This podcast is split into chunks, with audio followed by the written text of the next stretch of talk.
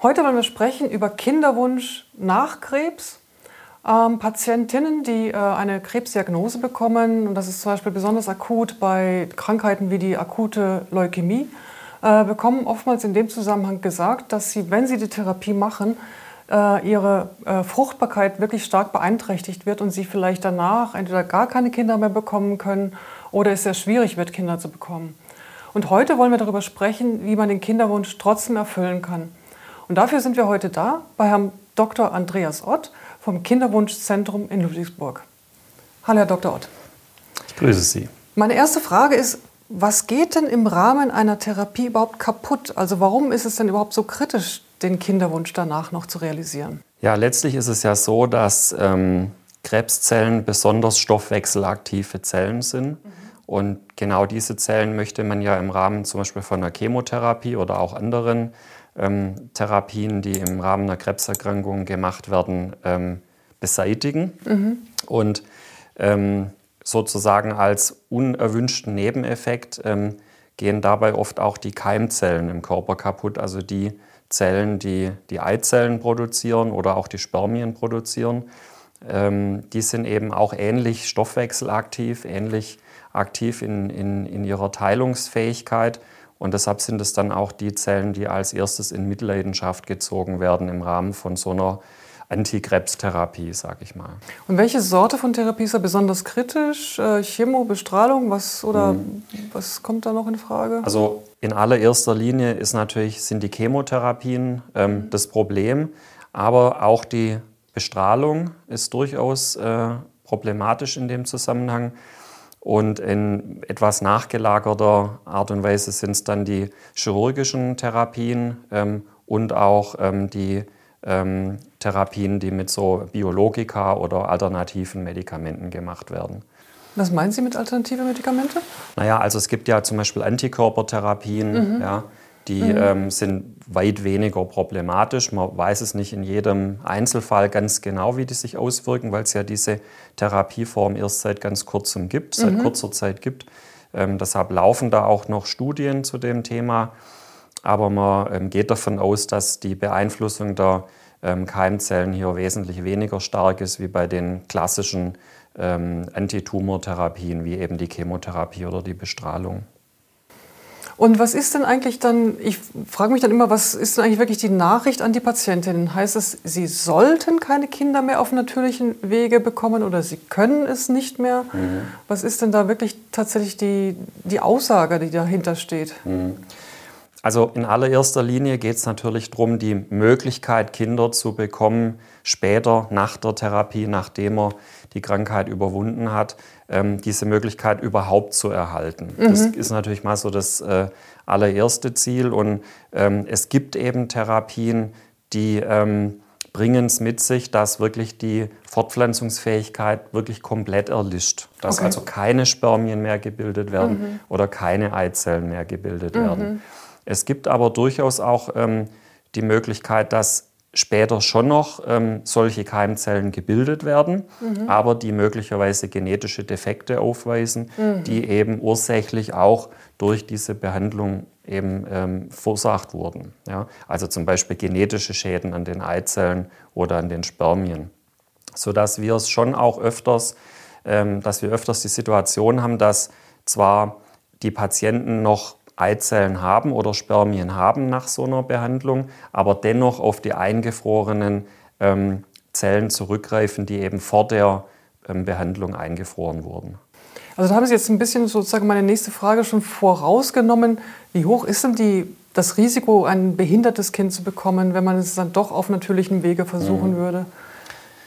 Also man schätzt das Risiko heutzutage eigentlich als relativ gering ein. Ja, also wenn es tatsächlich gelingt, eine Schwangerschaft zu erzielen mhm. nach einer ähm, abgeschlossenen Krebsbehandlung, dann scheint das Fehl- und Missbildungsrisiko bei den Kindern nur geringgradig erhöht zu sein. Ah, okay. Wie viel Prozent ganz genau, das ist ganz schwierig zu sagen. Mhm. Zum einen gibt es da wenig Studien dazu, auch nur geringe Fallzahlen.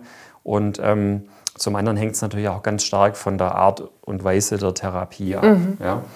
Aber man geht davon aus, dass das Risiko eher als geringgradig einzuschätzen ist. Mhm. Ja, sodass es durchaus eine Option ist für ähm, Patientinnen und Patienten nach einer Chemotherapie zum Beispiel, es erstmal zu probieren mhm. mit, den, mit den Spermien, die dann noch produziert werden oder mit den Eizellen.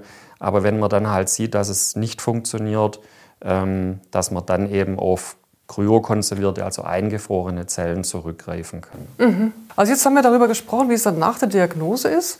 Und, ähm, aber jetzt, bevor die Therapie startet, ist ja genau der Moment, wo man aktiv werden muss. Das heißt, wenn man Eizellen sozusagen vor den negativen Einflüssen der Chemotherapie retten möchte, muss man sie dann quasi vor der Therapie machen. Und äh, da wollten wir gerne mal fragen, wie denn das funktioniert. Wie, das ist ja eigentlich ziemlich kompliziert, glaube ich, mit den Frauen und der Abgabe von Eizellen. Ne? Also es ist auf jeden Fall etwas komplizierter wie bei den Männern. Mhm. Ähm, aber es ist eigentlich auch nicht so aufwendig, wie man sich das vielleicht so gemeinhin immer so vorstellt. Also im Prinzip ist der Ablauf der, ähm, es muss erstmal ein ärztliches Gespräch erfolgen, wo man über die, ähm, über die ähm, Behandlung genau aufklärt und wo man natürlich alle Vor- und Nachteile abwägt und auch die Risiken benennt. Die sind aber relativ gering, da können wir dann gleich nochmal vielleicht was dazu sagen.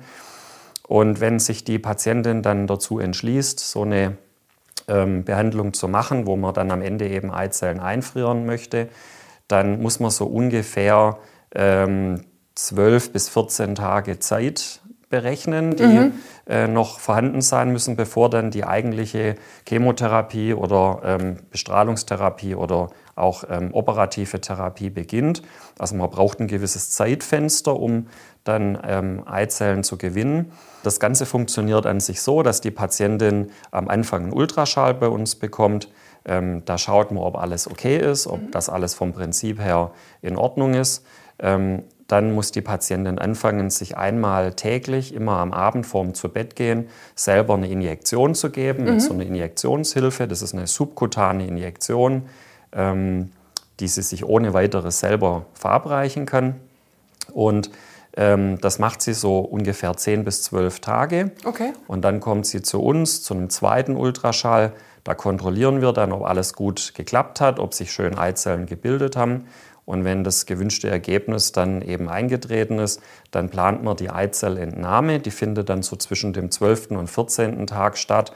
Und dazu macht man eine kurze, eine leichte Allgemeinanästhesie, so ähnlich wie bei einer Darmspiegelung oder bei einer Magenspiegelung. Mhm. Das heißt, die Patientin schläft für ein paar Minuten, ähm, kriegt eine kurze Narkose.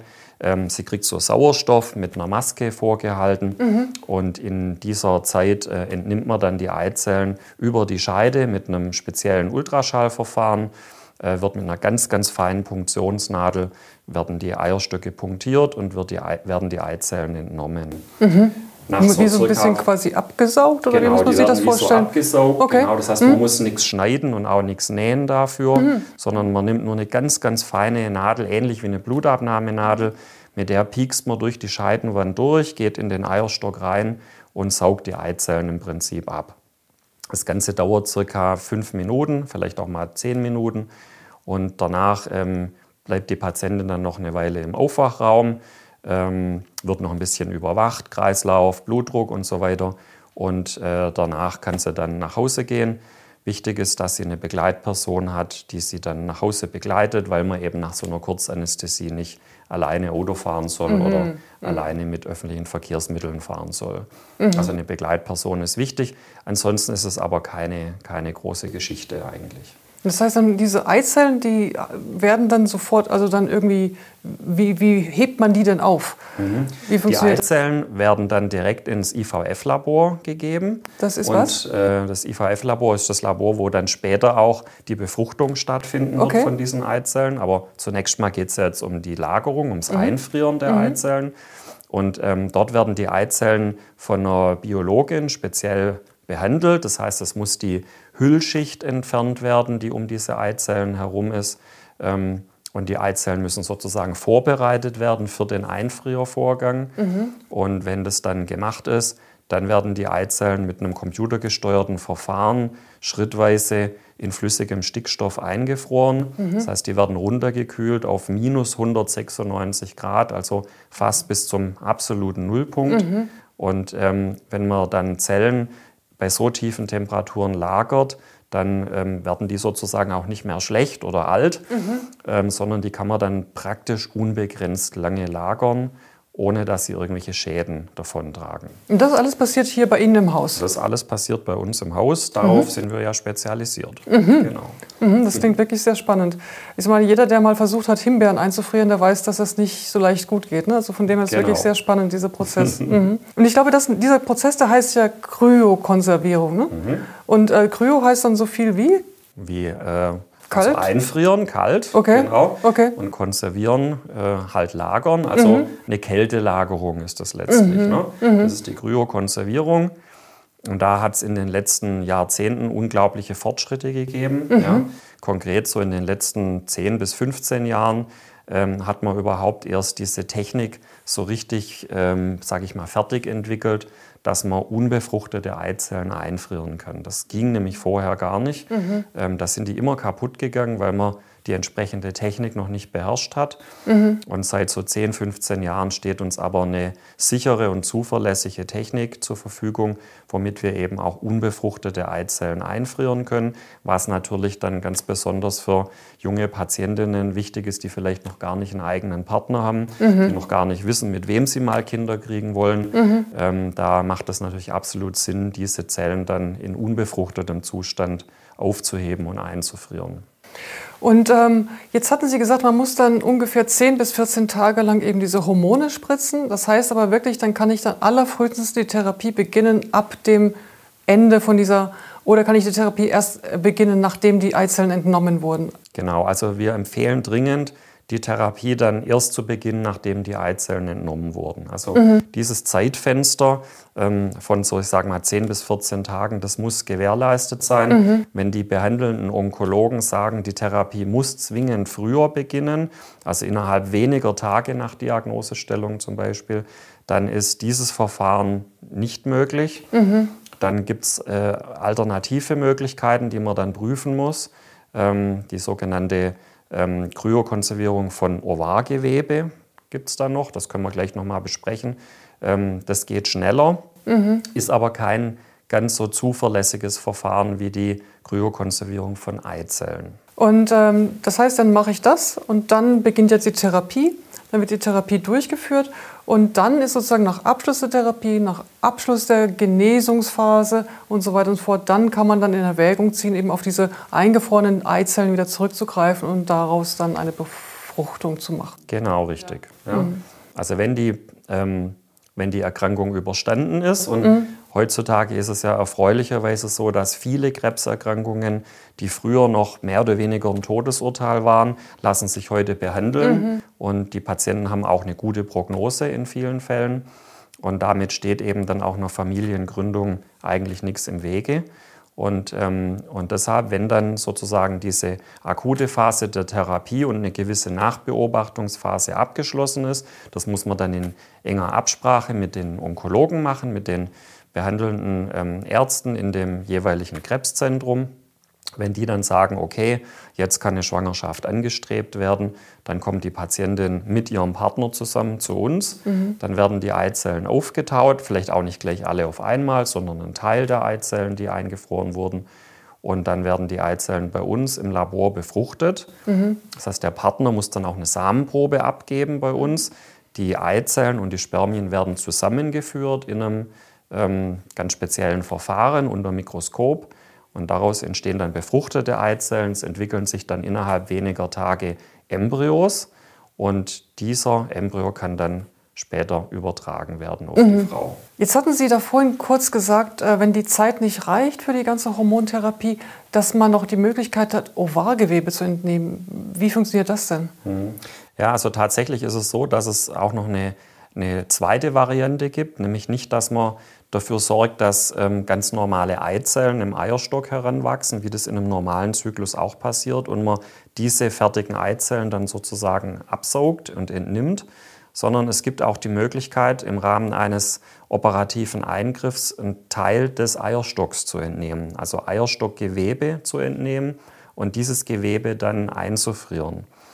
Ähm, Ah, das ist dann eine richtige Operation, Das ne? ist dann eine richtige Operation. Das heißt, da ist es nicht mit einer, ähm, mit einer Punktion letztlich getan, also wo man nur eine Nadel braucht, ja, sondern da muss man dann eine Bauchspiegelung machen, also eine, eine klassische Operation, endoskopische Operation am Bauch. Das ist schon deutlich aufwendiger, muss man sagen.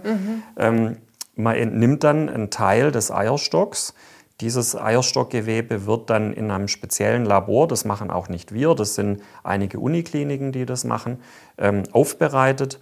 Und dann werden so kleine Stückchen von diesem Eierstockgewebe eingefroren. Und letztlich später, wenn dann die ähm, Therapie vorbei ist und ähm, man dann eben die Schwangerschaft anstreben möchte, dann werden diese kleinen ähm, Ovargewebeteilchen wieder zurücktransplantiert in den Körper. Okay. Da gibt es dann auch zwei verschiedene Techniken, wie man das machen kann. Es gibt die Möglichkeit, dass diese ähm, Ovarstückchen wieder in den Eierstock zurückgebracht werden. Und die andere Möglichkeit ist, dass die in eine kleine Tasche auf der Innenseite der Bauchwand, in das, in das Bauchfell eingebracht werden. Und ähm, mit ein bisschen Glück fängt dann dieses Gewebe wieder an aktiv zu sein, bildet quasi ähm, wieder Eizellen und ähm, es gab schon ähm, Fälle, wo dann eben aus diesen Eizellen dann auch wieder eine Schwangerschaft und ein Kind entstanden ist, ohne dass man eigentlich eine Maßnahme der künstlichen Befruchtung gebraucht hat. Oh, mhm. Genau. sehr schön. Also man merkt schon, das Verfahren hat seine Vor- und seine Nachteile. Ja, man, man braucht letztlich zwei operative Eingriffe. Einmal zur Entnahme von diesem Eierstockgewebe, einmal zum wieder zurücktransplantieren. Ähm, das ist sicher ähm, einer der wesentlichen Nachteile, die es gibt. Es gibt dann auch noch äh, den Nachteil, dass wenn man bestimmte Arten von einer Krebserkrankung hat, wo die Krebszellen sehr weit im Körper verstreut werden, ähm, zum Beispiel bei den Leukämien ist das ein Problem. Da ähm, können ja auch Krebszellen in diesem Eierstockgewebe enthalten sein. Und dann besteht ein gewisses Risiko, dass diese Krebszellen nach eigentlich Abschluss der Therapie wieder zurücktransplantiert werden auf die Patientin. Und das ist natürlich was, was man unter allen Umständen vermeiden möchte. Ja, sicher. Deshalb muss man das ganz genau prüfen, ob dieses Einfrieren von Eierstockgewebe im jeweiligen Einzelfall auch wirklich von Vorteil ist für die Patientin oder eben nicht. Also heißt im Klartext, es gibt durchaus auch wirklich Situationen, wo man eigentlich dann nichts machen kann. Ja, es gibt Situationen, wo man aus Sicherheitsgründen eher ähm, auf das Einfrieren von diesem Gewebe verzichtet und, ähm, und dann eben nichts machen kann. Ja. Aber eine Frage, die mich noch interessiert, ist eben, wenn ich jetzt aber gar nicht mehr hier wohne. Ne? Also man muss ja sozusagen die Therapie machen und dann so weiter, die Genesungszeit und so weiter und so fort. Das kann ja mal durchaus Jahre vergehen. Wenn ich nicht mehr hier wohne, was passiert denn dann? Also grundsätzlich ist es möglich, diese eingefrorenen Eizellen ähm, äh, auch in ein anderes Kinderwunschzentrum zu übersenden. Da gibt es spezielle Dienstleister, spezielle Transportdienstleister, die das machen und die Kosten werden auch übernommen. Und, ähm, und dann kann im Prinzip die weitere Behandlung in einer anderen Einrichtung erfolgen. Oder die Alternative ist, die Patientin kommt eben trotzdem wieder zu uns. Ähm, und äh, dazu muss man vielleicht wissen, dass die Behandlung dann später, also wenn man auf die eingefrorenen Eizellen zurückgreift, nicht mehr besonders aufwendig ist. Also es erfordert im Grunde genommen nur zwei Termine. Einmal muss sie mit ihrem ähm, dann vorhandenen Partner zu uns kommen und wir müssen sozusagen die Befruchtung einleiten und drei bis fünf Tage später setzt man den Embryo ein. Also ähm, es ist im Prinzip nicht mehr eine aufwendige ähm, Behandlung oder so notwendig und deshalb kann man das, denke ich, auch durchaus machen, äh, auch wenn man schon etwas weiter weg wohnt. Wunderbar. Also wir wollten dann auch ja gerne noch mal ins Labor gucken, wie denn mal anschauen, wie denn das tatsächlich so ausschaut äh, mit der, dieser Kryokonservierung. Und ähm, auch die weiteren Themen wollten wir noch natürlich noch mal angehen. Wir schauen uns noch mal an, wie es bei den Männern denn das alles abläuft. Die Kosten sind natürlich immer auch ein ganz sensitiver Punkt. Wer zahlt denn was äh, und wie lange? Und ähm, natürlich der wichtigste Punkt ist dann die Befruchtung und schlussendlich das Kind auch zu bekommen. Also jetzt sind wir hier gerade ins Labor reingekommen, wo wir genau das anschauen können, was wir vorher besprochen haben, wo die Eizellen und die Spermien gelagert werden, aber auch wo die Befruchtung stattfindet. Und Frau Genau. Koch erzählt uns ein bisschen dazu, wie das hier alles ausschaut und wie es funktioniert. Dann gehen wir doch gleich mal hier ins Kryolabor. Hier haben wir nämlich die, hier wurden die eingefrorenen Spermien und Eizellen gelagert in Flüssigstickstoff. Die sind dann in so verschiedenen Goblets drin, farblich markiert und auf unseren Protokollen steht dann auch alles dokumentiert, dass man das leicht finden. Dann hier haben wir jetzt zum Beispiel so ein Einfriergerät, da friert man die Spermien ein, da werden die kontrolliert, äh, dann über ca. 30 Minuten dauert das Programm, kontrolliert abgesenkt. Für die Eizellen braucht man das Gerät nicht, die werden nämlich mit einer anderen Methode eingefroren, die Vitrifikation, das ist so ein Schockgefrieren. Mhm. Da kommen die. Da haben wir äh, vorhin gerade ein bisschen drüber gesprochen. Ja, ja. genau. Das geht dann, ist ein bisschen aufwendiger, braucht auch Erfahrung und ja, ja, ja, mhm. ja genau.